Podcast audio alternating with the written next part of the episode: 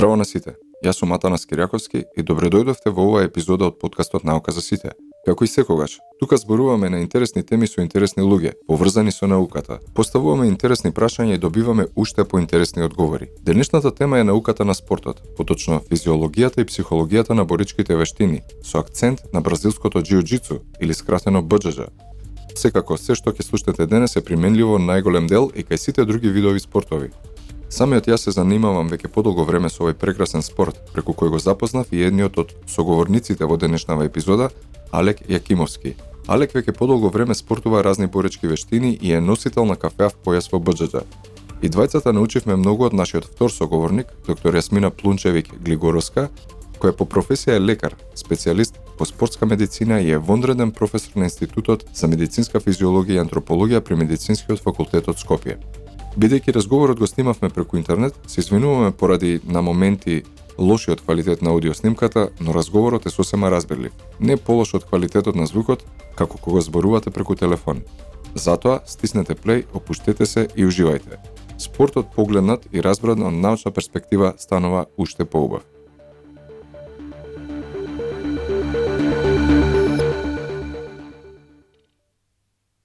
Јас сум вонреден професор по физиологија и специјалист по спортска медицина. Јас работам за Институт за медицинска, експериментална и применета физиологија и антропологија.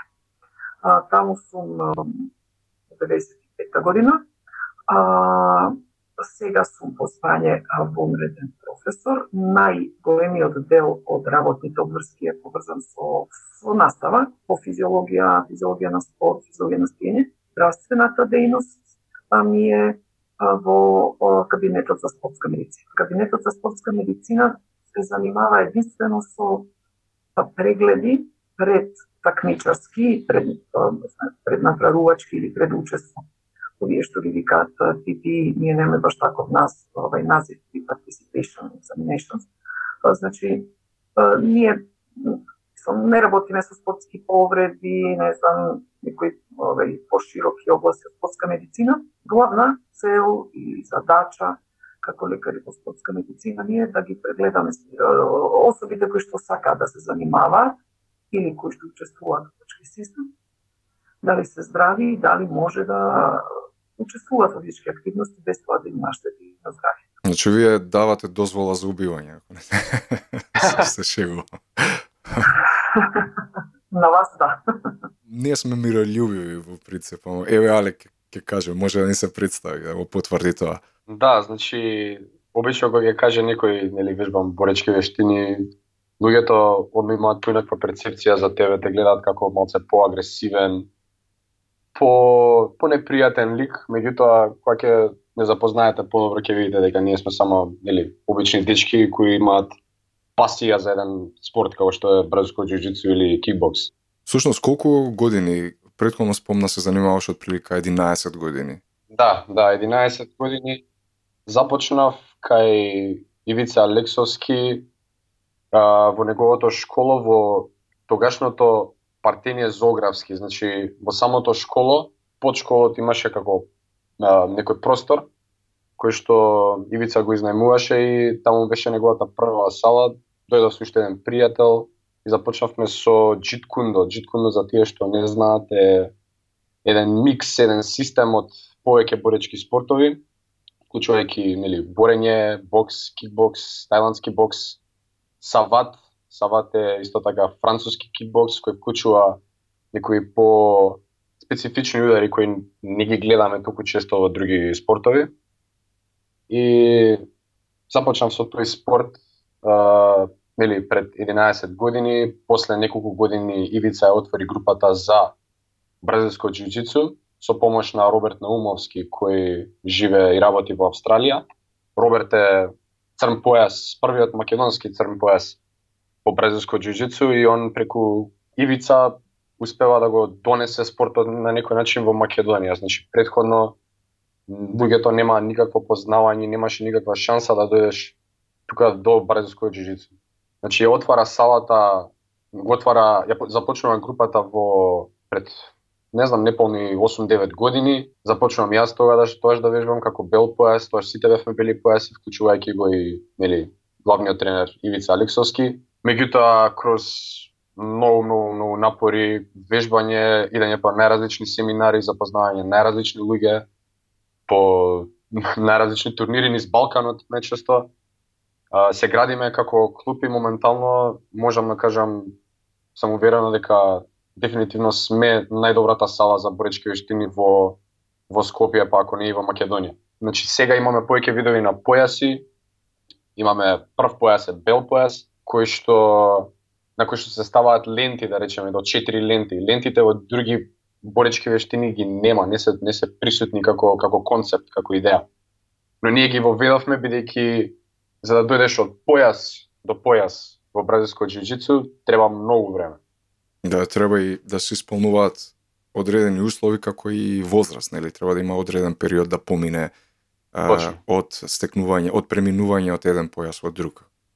Точно, точно. Не може некој што е 10 годишен или 9 годишен, што е дете, да добие плав појас, односно син појас, бидејќи кога ќе го добиеш тој појас, веќе треба да имаш одлична основа од бразилското џиу и веќе си способен да се справиш со најразлични ситуации во било каква средина, дали е тоа улична борба или ММА турнир или било каква друга борба.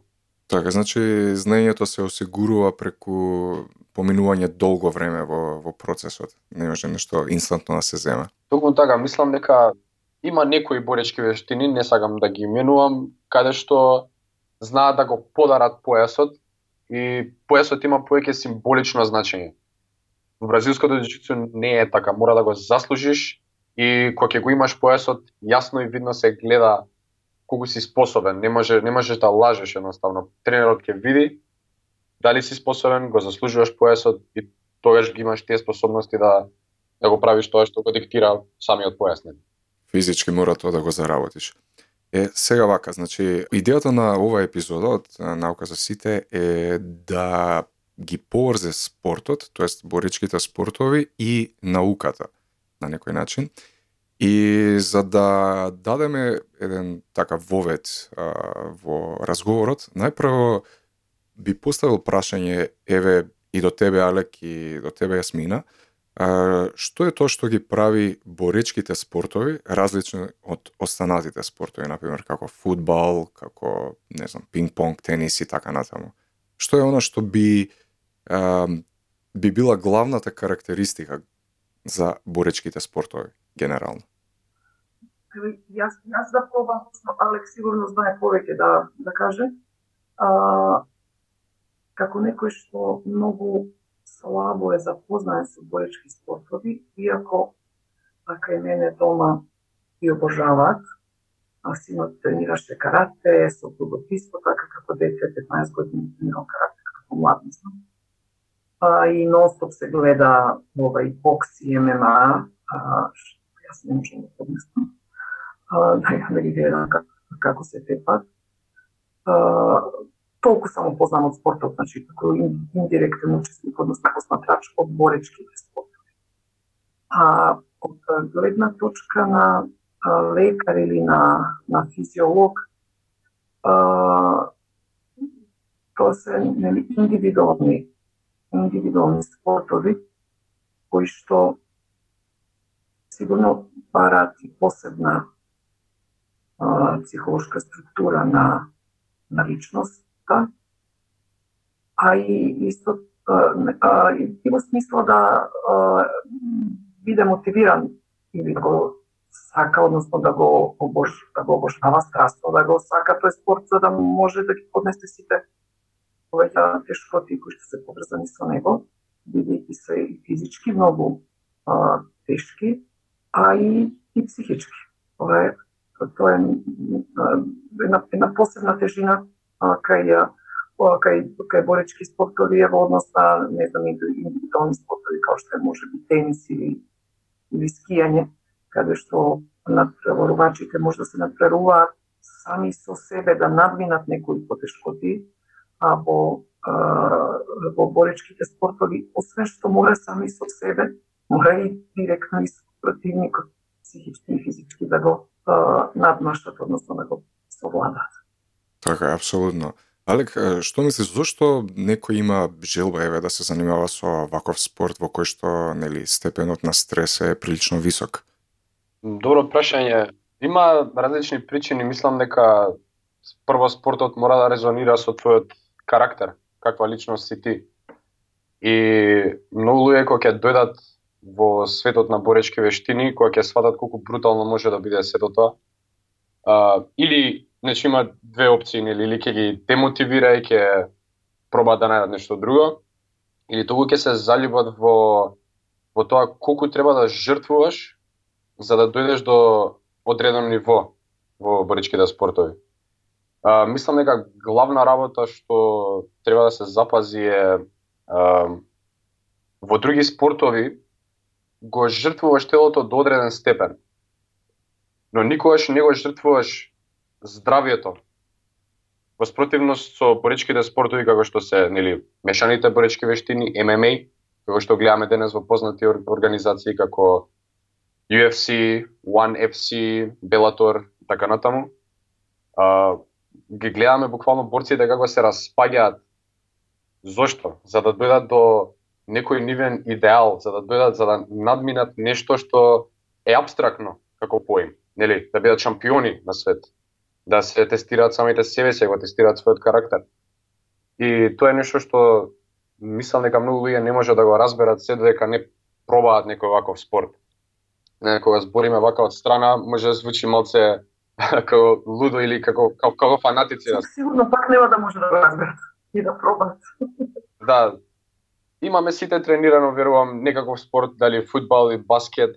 Меѓутоа, немам осетено лично дека даваме таков напор и таква жртва во тие, тие спортови бидејќи не го сносуваме самите товарот. Нели имаме наш тим, имаме тренери, меѓутоа кога си во буречки спорт, дали е бразилско џуџицу, кога се напреваруваш, или дали е ММА, или дали е бокс, или дали е карате, сам си на теренот, буквално. Значи, се, целиот исход зависи од тебе, од тоа колку си ментално спремен, колку си физички спремен, колку си спремен да да, да се жртвуваш себе си, да го жртвуваш своето здравје. Да, да.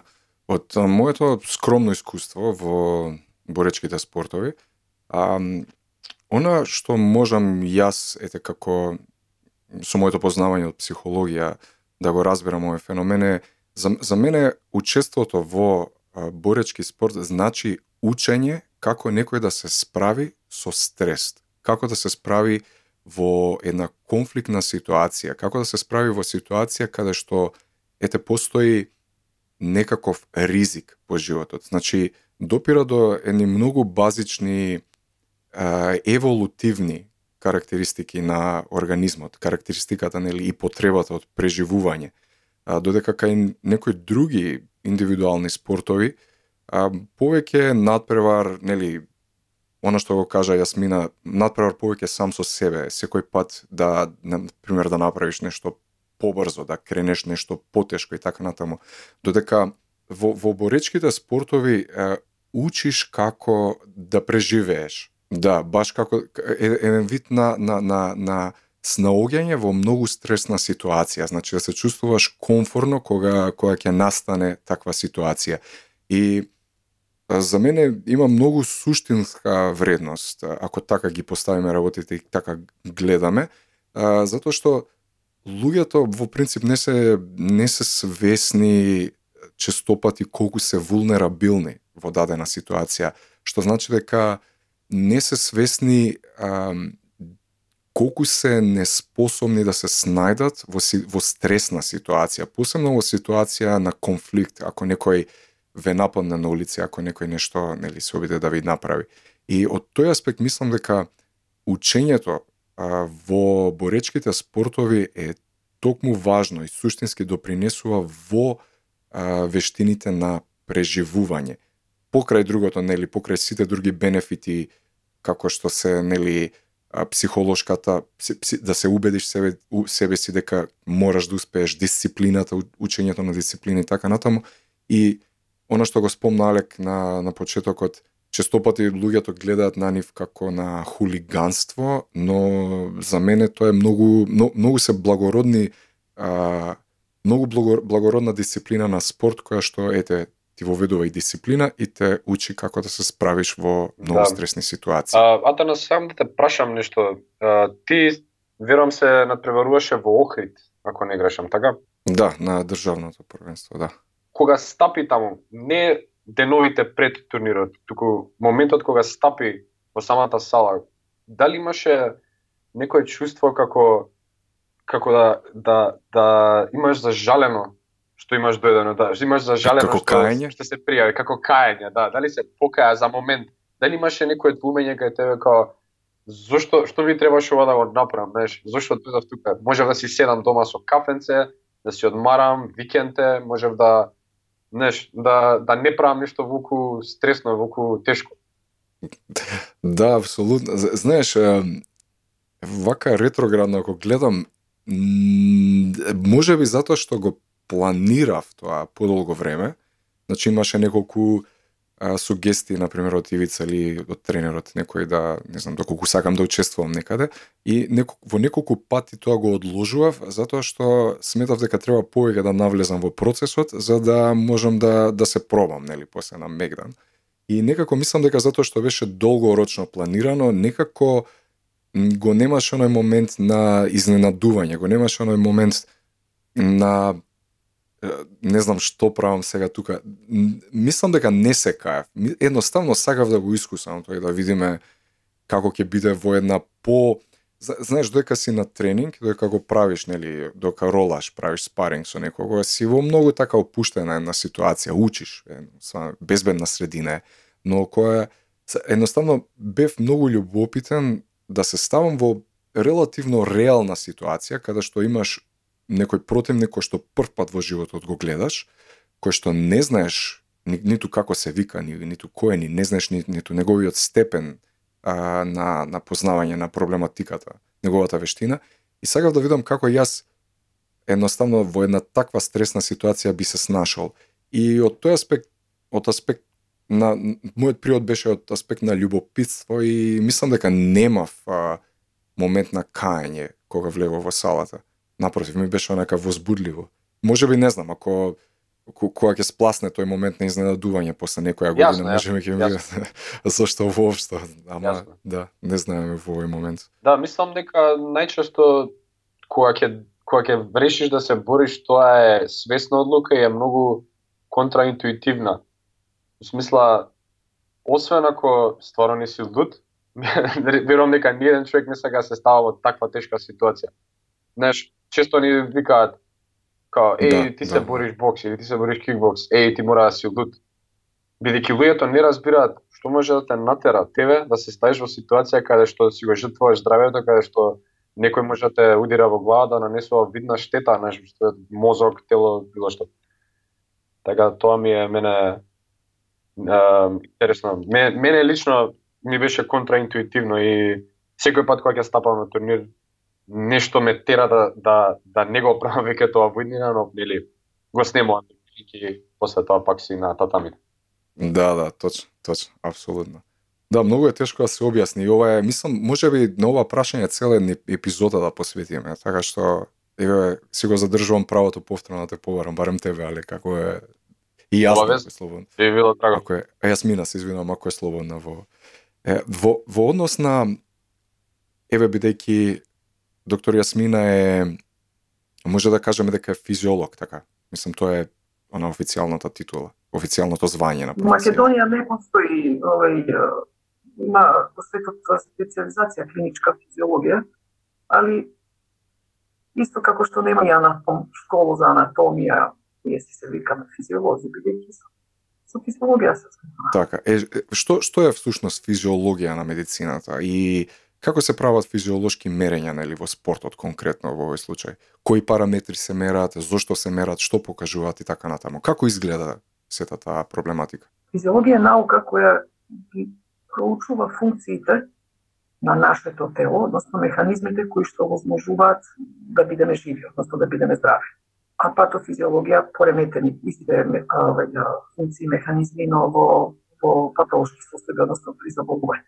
Чи физиологија на спорт, физиологија, физиологија на човекот или медицинска физиологија, ја проучува хомеостазата, механизмите кои што возможуваат во нашето тело да постои хомеостаза, односно динамичка рамнотежа која што возможува се да функционира како што треба.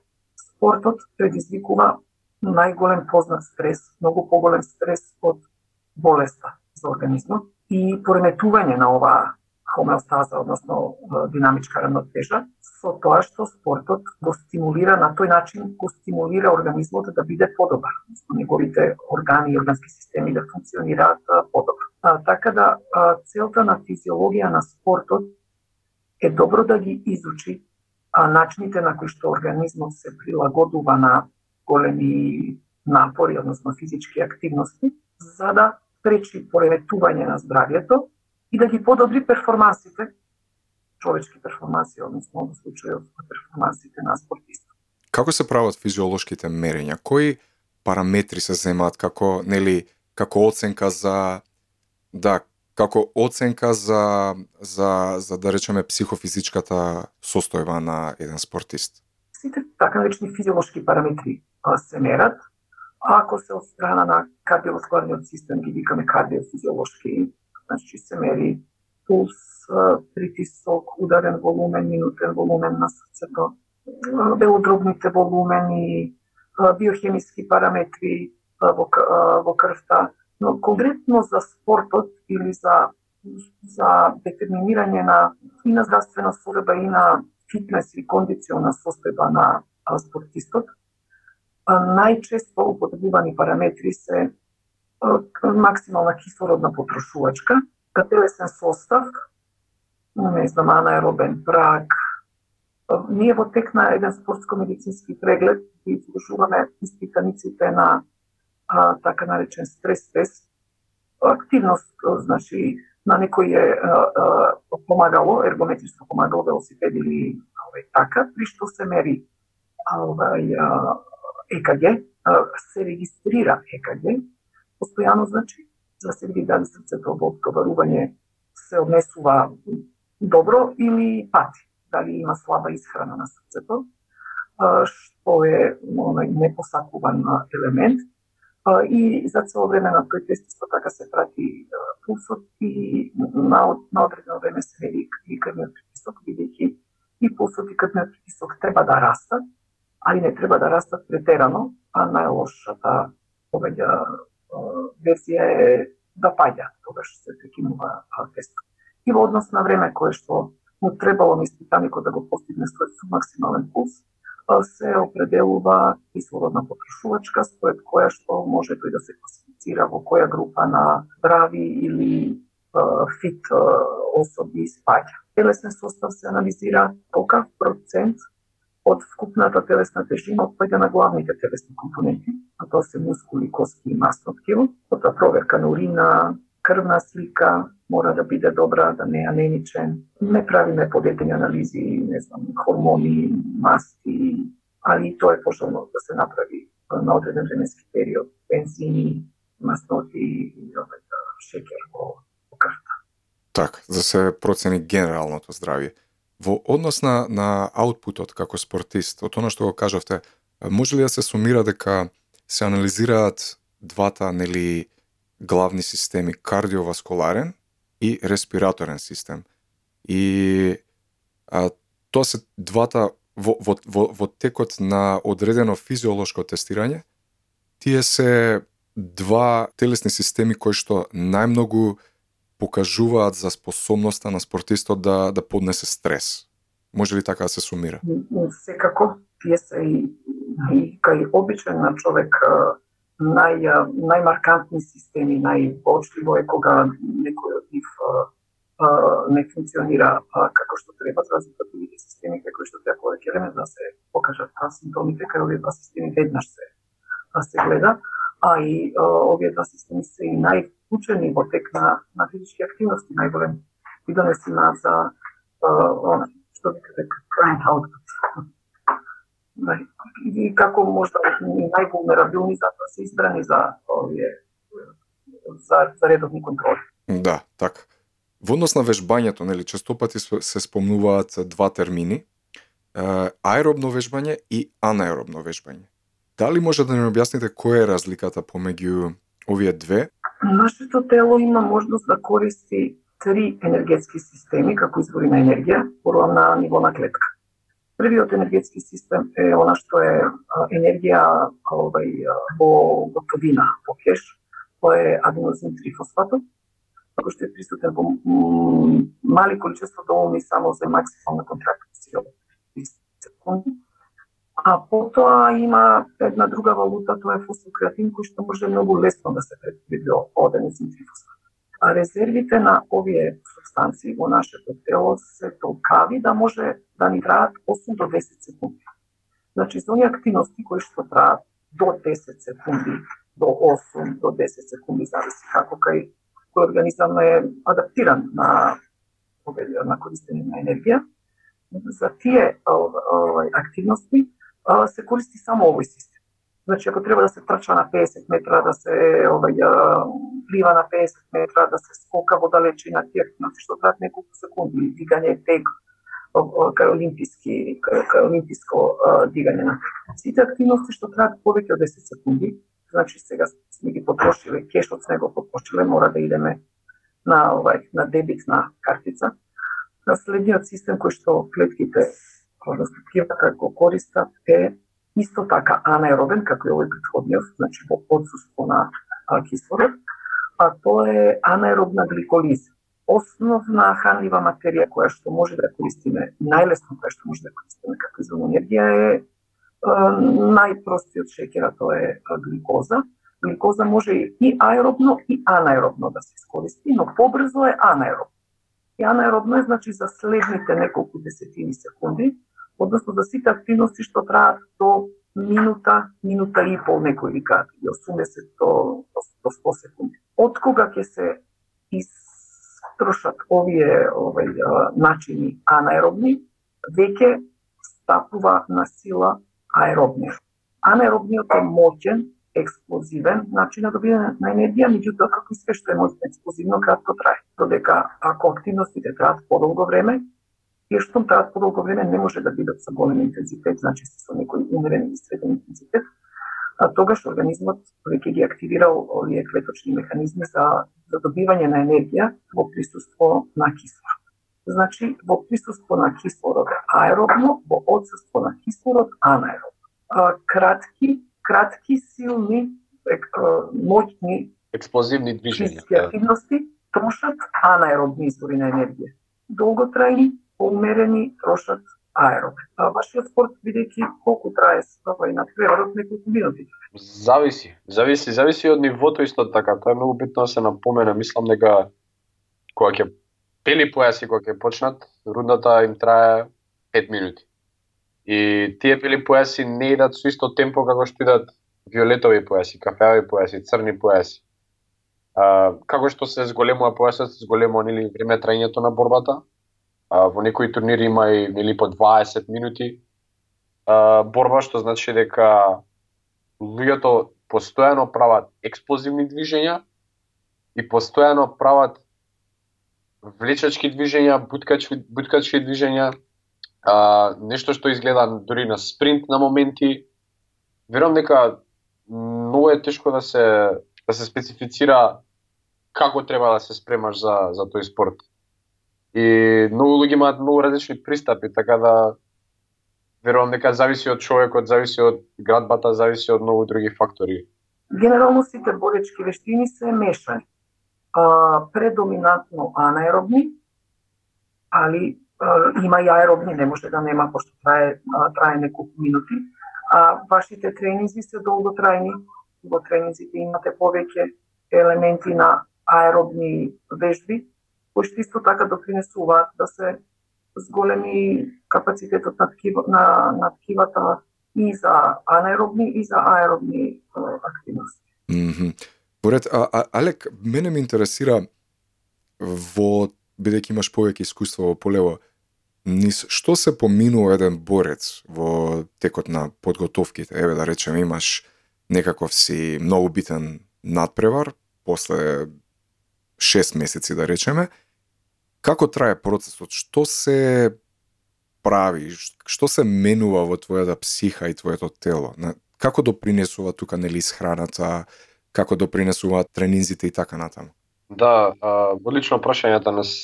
Искрено, многу луѓе прават грешка со тоа што чим се најави некој турнир и нечесто не е 6 месеци во прашање, туку е многу помалце.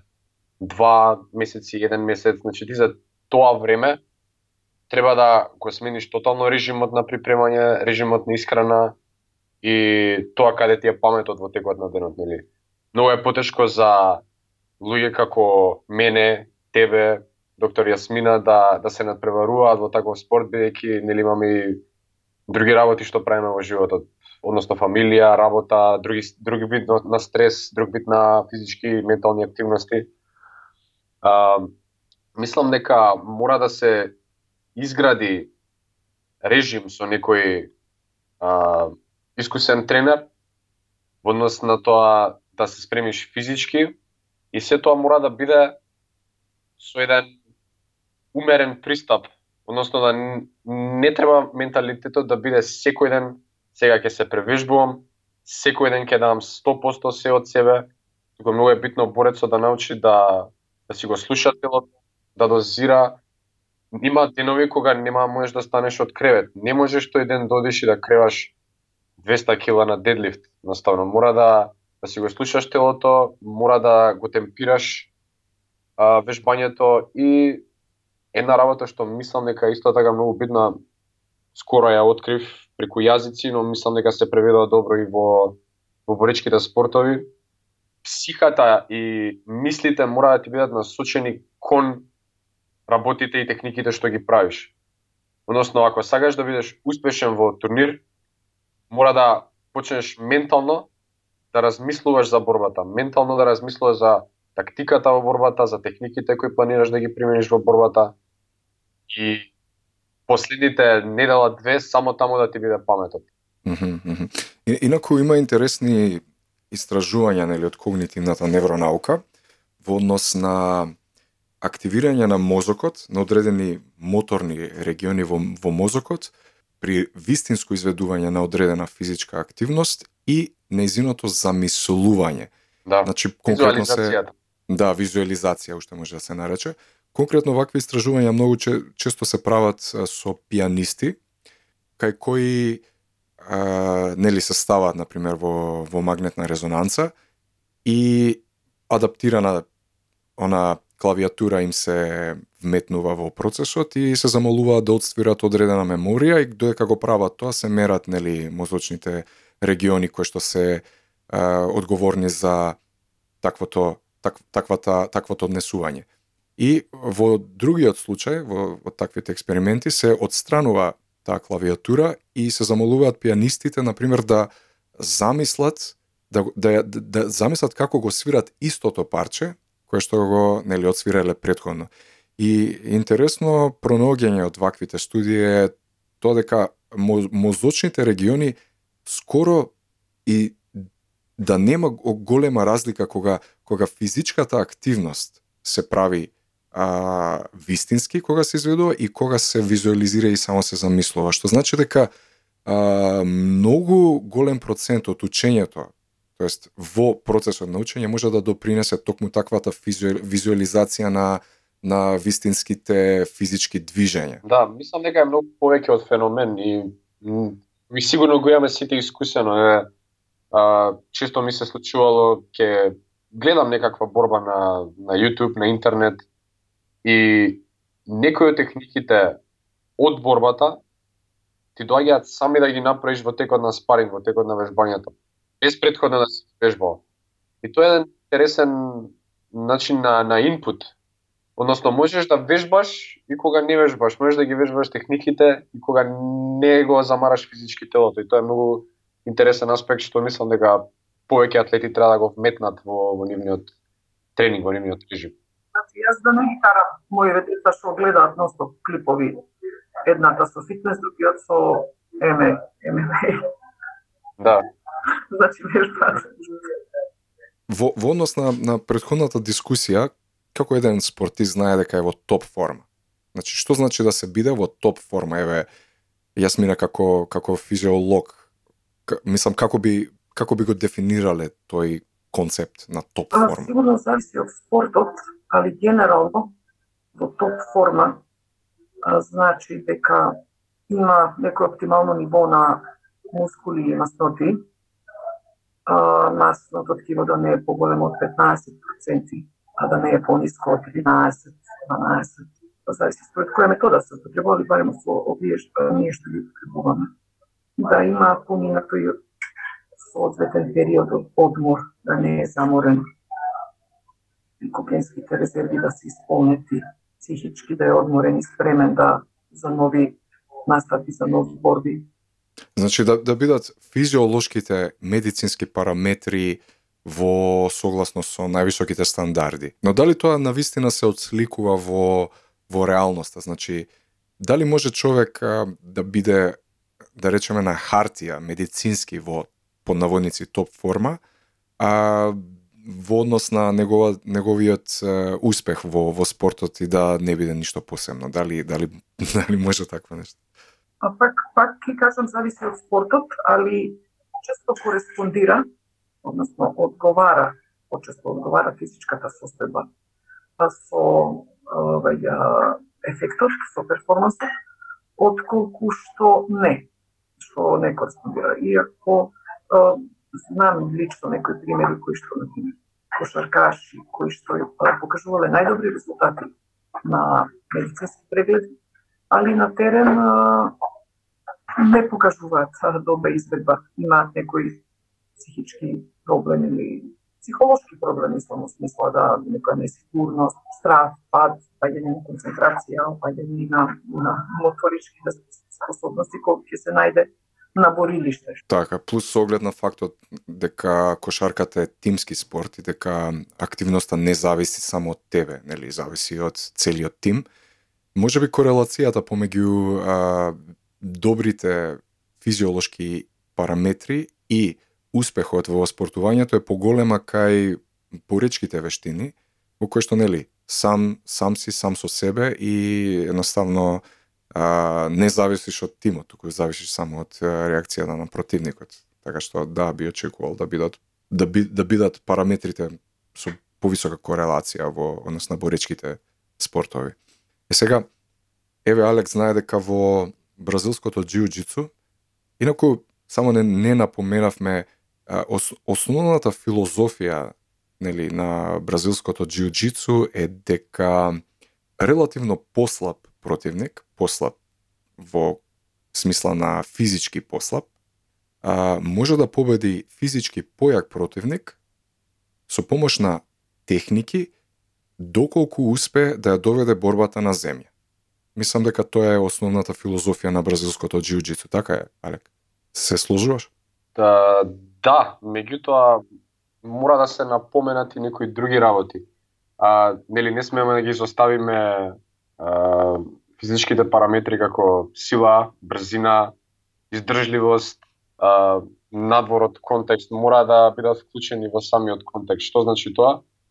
А, не можеш да ги изведуваш техниките доколку не поседуваш некакво ниво на сила, брзина, осет за тајминг. И мислам дека тоа е нешто што многу луѓе не го разбираат. Кога ќе дојде некој на кај нас на тренинг и е физички послаб и ќе му покажеме техника и он ќе проба да го направи тоа да речеме еве би земал тебе за пример ти си потежок, физички си посилен или поради тоа што си постар и на тебе не би му успеала техниката. Дали тоа значи дека техниката не е ефективна? И да и не, не е ефективна во тој контекст, во таа ситуација и затоа е битно да се стави акценти на нели на физичката спремност. Исто како и во секој спорт. Ба, бразилското джиу-джитсу е потполно исто како секој спорт од аспект на тоа дека техниката си е техника и физичката спремност е физичка спремност и двете работат во комбинација. Едното без другото секогаш ќе биде подлежно на на слабости и на грешки, нели мора да биде на убава симбиоза од двете и и секако се разбира тука и менталниот аспект и кога сите тие три работи ќе се спојат тогаш ќе гледаме убавината и, и ефективноста на тоа што го правиме. Јасно, јасно. И сега во голем дел од БДЖ техниките на завршување некого, тоест да доведеш некого во состојба да ти се предаде, може да се поделат во да речеме две категории или три, тоа, тоа се зафати полуги кои што се базираат врз принципи на гушење и врз принципи на да речеме како би можело тоа да се каже гушење и кршење, ајде, ако може така да се каже, или кренкинг, нели, на на англиски, како би му дошло тоа, не знам. Да речеме главните принципи каде што некој можеш да да да да го доведеш во состојба да се откаже, тоест да се предаде, се преку тоа да најдеш начин да го задушиш или да најдеш начин да му доведеш некој екстремитет или некоја коска во опасност од кршење. Дали може така да ги категоризираме работите генерално во БДЖ-то? Да, да, тоа се двете главни категории во принцип.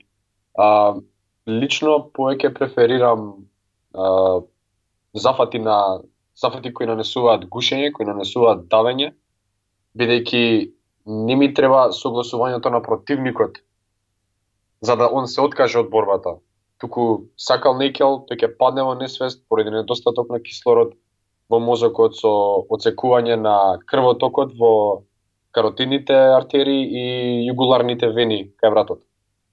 И секогаш дури во во улична ситуација каде што би требало да се одбраниш, не смееш да зависиш од тоа дека противникот ќе се откаже поради физичка болка, бидејќи ако е живот или смрт ситуација каде што адреналинот е на високо ниво, стресот е на високо ниво, не знам дали е доволно да ако му скршиш на некој рак или нога дека нема да продолжи да те напаѓа во однос на тоа ако се онесвести, тоа е тоа. Не против негова волја е, ама нема што да направи во врска со тоа.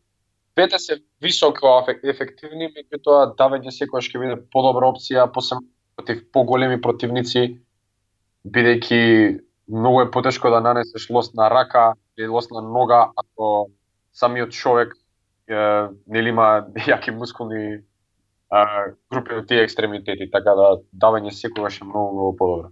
Така, артериите се многу повулнерабилни од, да речеме, коските и мускулите. Во однос на ова прашање, доктор Јасмина, ам, ш... зошто луѓето губат свест, нели, при, например, при прекинување на дотокот на крв во мозокот и губење на кислород, што се случува во телото во такви а, ситуации. Еве да го да го објасниме од еден медицински аспект. Гушењето кое што вие го применувате во вашиот спорт врши притисок на сите органи што се наоѓаат во вратот.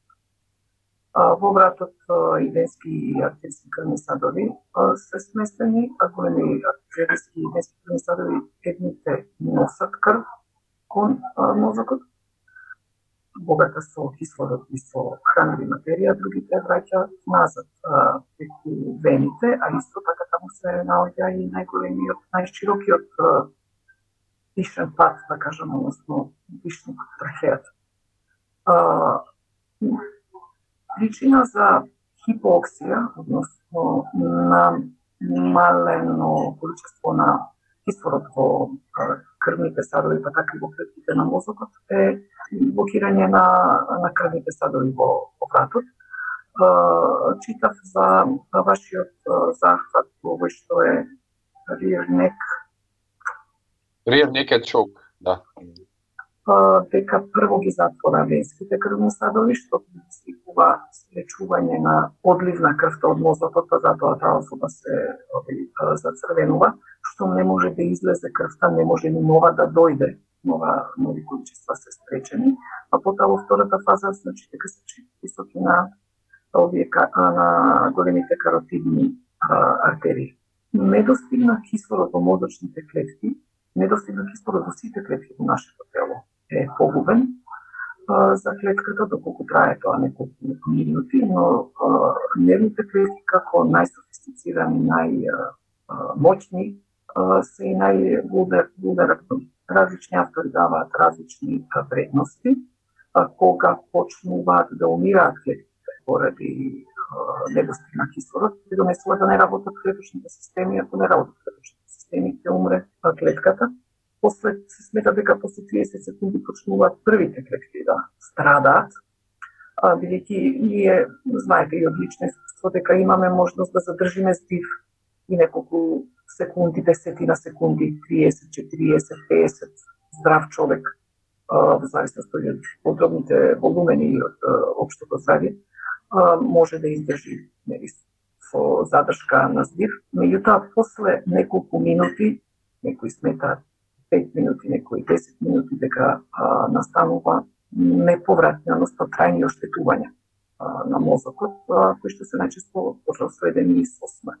Јас прочитав една студија од, од вашиот порт од, односно од дека а, пос, просечно после 7 до 10 секунди од овој спомнатиот зафат настанува губење на свест.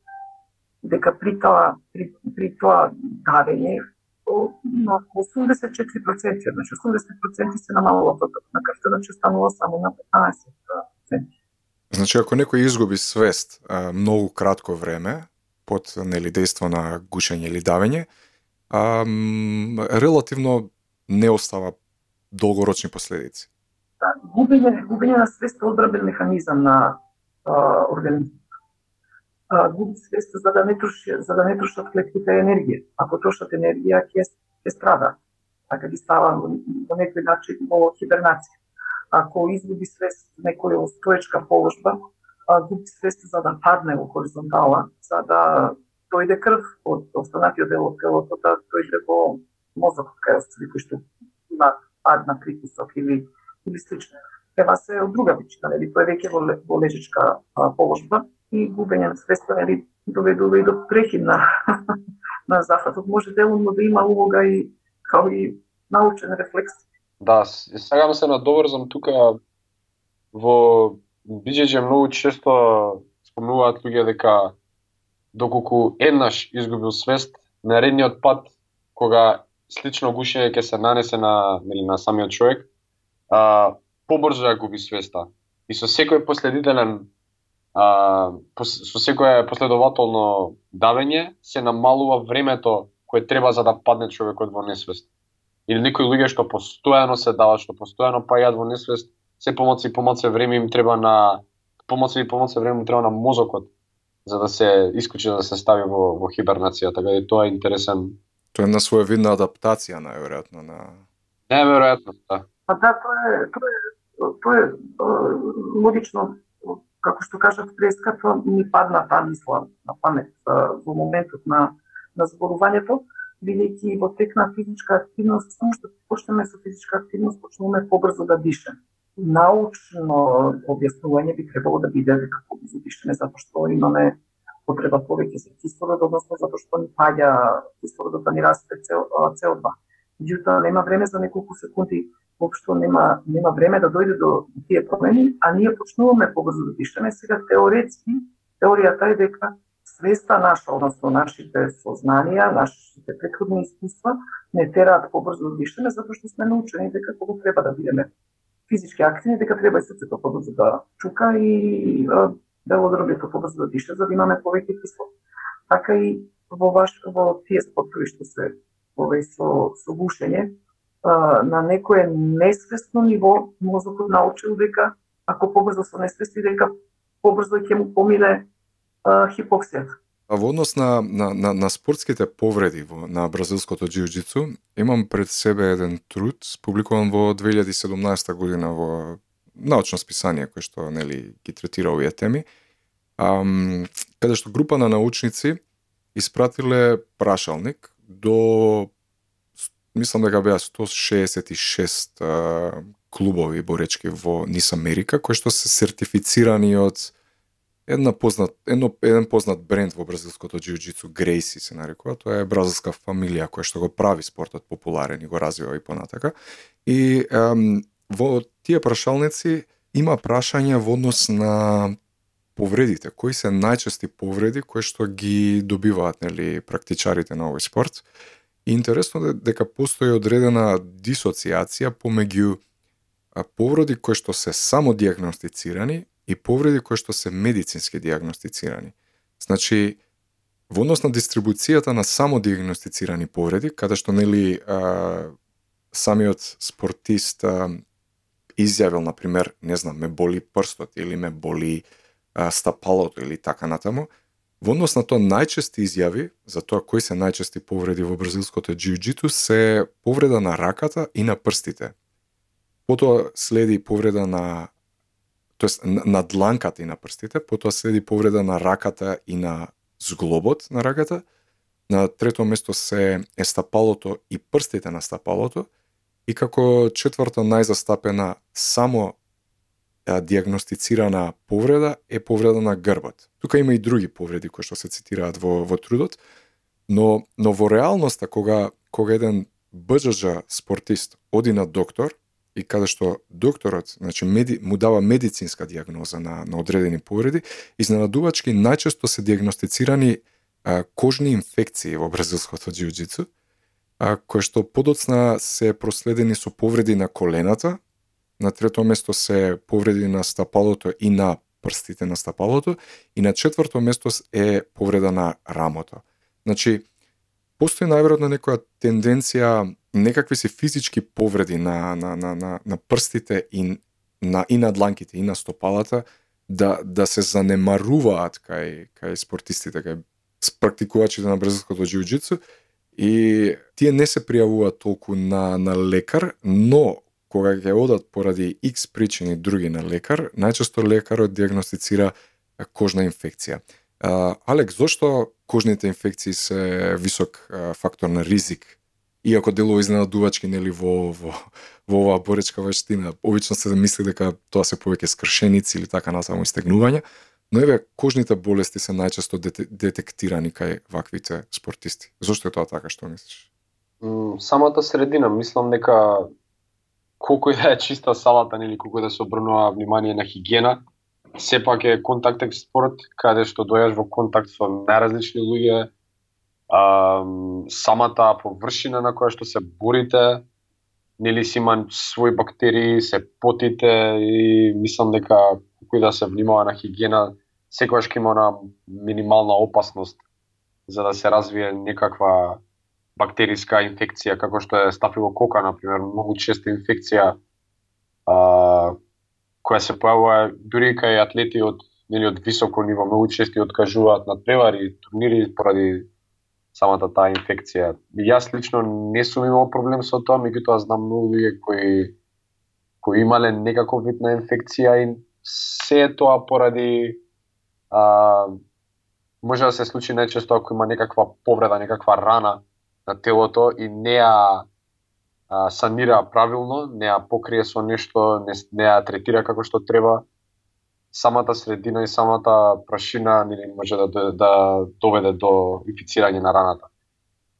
Меѓутоа не знаев за самата статистика, така да ова ми е нова информација, не знаев дека тоа е најчеста најчеста повреда. Да, мислам во голем дел од спарингот, нели, во бразилското џиу голема површина на кожата и од едниот човек и од другиот човек се во допир едни со други.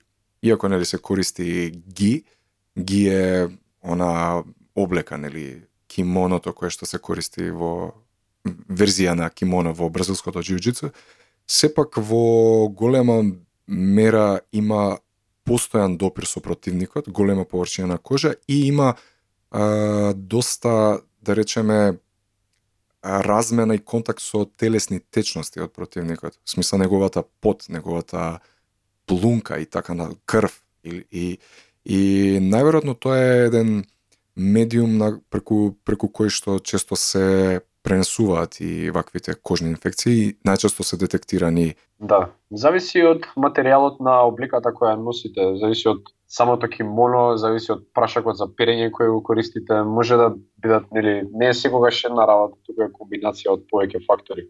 Меѓутоа сметам дека најголемиот проблем доаѓа од од самите татами. Татамите се она гумена подлога на која се бориме и без разлика на тоа колку се чистат, колку се обрнува внимание на хигиената, тешко е комплетно да нели да се се стави во карантин, да речеме, да не доаѓа до никаква инфекција. Така, да, со оглед на фактот дека Бџ да се практикува босоног, со боса нога и да речеме ако има 50-60 луѓе кои што доаѓаат од разни места, директно влегуваат, нели се соблекуваат и газат по тие татами, стапалата најверојатно и представуваат некаков си нели извор на на хазард, на опасност.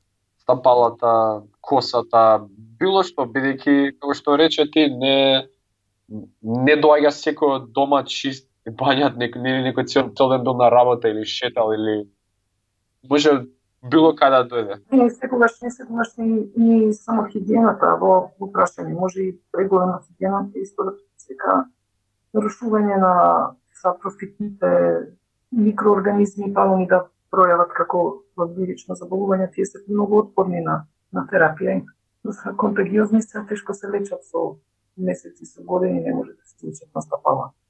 Да, иако делува, нели, сепак контраинтуитивно дека во еден таков контакт спорт може би медицински диагностицирани најчести повреди се нели повреди на и тоа се инфекции на кожата. Ами на крајот да тоа и не е лошо бидејќи не е го спречува исто да спортува. Не, само само да се надополнам дека гребаници од ногти исто може да го предизвикаат истото. Тоа мислам дека е прилично често луѓе што не пазат на должината на ногтите во текот на борбата ќе ќе те помине по лице, по рака, по грб, било каде и ти може би не си го тоа во текот на борбата и ако не го третираш одма, нели може да настане инфекција многу лесно. Зошто помалку чувствуваме болка за време на борбата, а од после повеќе? Барем барем мене ми е тоа лично искусено, знам и многу луѓе, нели велат во екот на борбата висок е адреналинот, така обично се вели.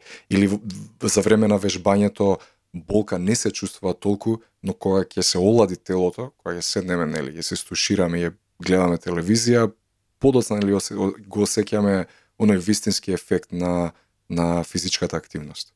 Зошто е тоа така? Јас имам три, три теории за тоа. А, во текот на борбата или во текот на надпревар, било кој спорт, послабо може да се осеќа болка од две причини, а една е физиолошка, друга психолошка. Физиолошката е заради влачење на ендорфини кои баш и затоа се нарекуваат ендорфини, бидејќи имаат а, морфински или опијатен, имаат двострук, двоен овој ефект да е нешто ги инхибира рецепторите за болка во нервниот систем, а другиот е што предизвикува и некое чувство на блага еуфорија. А психолошки е што вниманието ни е од, од не знам, објектот на, на, на болката, да кажеме. Бидејќи интензивно размислува на целта по, по борбата да превземе некој нов можда зафат во трчањето да стигне до, до целта и така натаму. А после, на вистина е факт дека вака емпириски многу спортисти викаат почна да ме боли од после од кога се поладив и тоа веројатно поминало действото на ендорфините од една страна, а од друга страна и се зголемила повредата, односно оштетувањето. Некој оток, најверојатно сите повреди се пратени со еден кој што не мора да биде видлив со голоко, али на ниво на клетки на небе заврши тука поголем и затоа боли боли. А тоа е и добро што боли, бидејќи ако не боли, нема да преценеме ништо, па нема да а, ниту да го спречиме причинителот на болката, ниту да го лечиме. Кога не би не болело, ние би оставиле да да постои понатаму тој причинител на болка, што и да е, и, и зашто до поголемо оштетување. Болката би упозорува дека има некој оштетување и дека треба да преземе нешто за да не стане тоа уште поголемо. Да, во во однос на тоа зошто воопшто нели зошто мускулите не можат да, из, да издржат контракција, тоест да да имаат ист аутпут на сила долготрајно. Зошто бргу се заморуваат? Што што ги прави тоа што нели која е физиологијата да позади тој феномен? Зошто мускулите се за, замораат во текот на борбата? Мускулен замор е многу сличен како и болката и често пати мускулен замор е пратен со спаление, меѓутоа тоа подоцна настанува. И мускулен замор исто така се дефинира како а, заштитен механизам за мускулите. Мускулен замор представува привремена неспособност на мускул, група мускули да се контрахираат, односно да работат. А таа привремена неспособност е причината од односно е настаната поради голема физичка активност. Топографијата на мускулниот замор се дели на централна и периферна. Централна е во централниот нервен систем, односно во мозокот, а периферна е и во периферниот нервен систем, и во самиот овој мозок. Значи, иако е можда чудно, најчесто е од психичка причина, односно од немотивација или мислење дека не може да ги издржи, али тоа не важи за спортистите, тоа повеќе важи за, кажам, обични луѓе, бидејќи спортистите се најчесто високо мотивирани. А кај периферниот замор исто така почесто е причината во оној дел каде што се пренесува импулс со нервна клетка на мускулна клетка, отколку што е самата мускулна клетка. Со експериментите е утврдено дека мускулот е заморен, не може веќе да се контрахира на о, наша волја, меѓутоа кога директно ќе се задразни со струја со електроди, тогаш се контрахира. А, значи дека се потрошени резервите на невротрансмитерот по моторните нервни влакна кои што пренесуваат импулс на мускулната клетка. А на, на, а на ниво на мускулна клетка исто така може на повеќе ниво да настане или на ниво на пренос на ексцитација, контракција или на самите органели на нешто да не, да не функционираат. А тоа е за топографија на замор. А теориите се тројни, недостиг на кислород, загушување со е, штетни оваѓа, метаболити или недостиг на хранење. материи.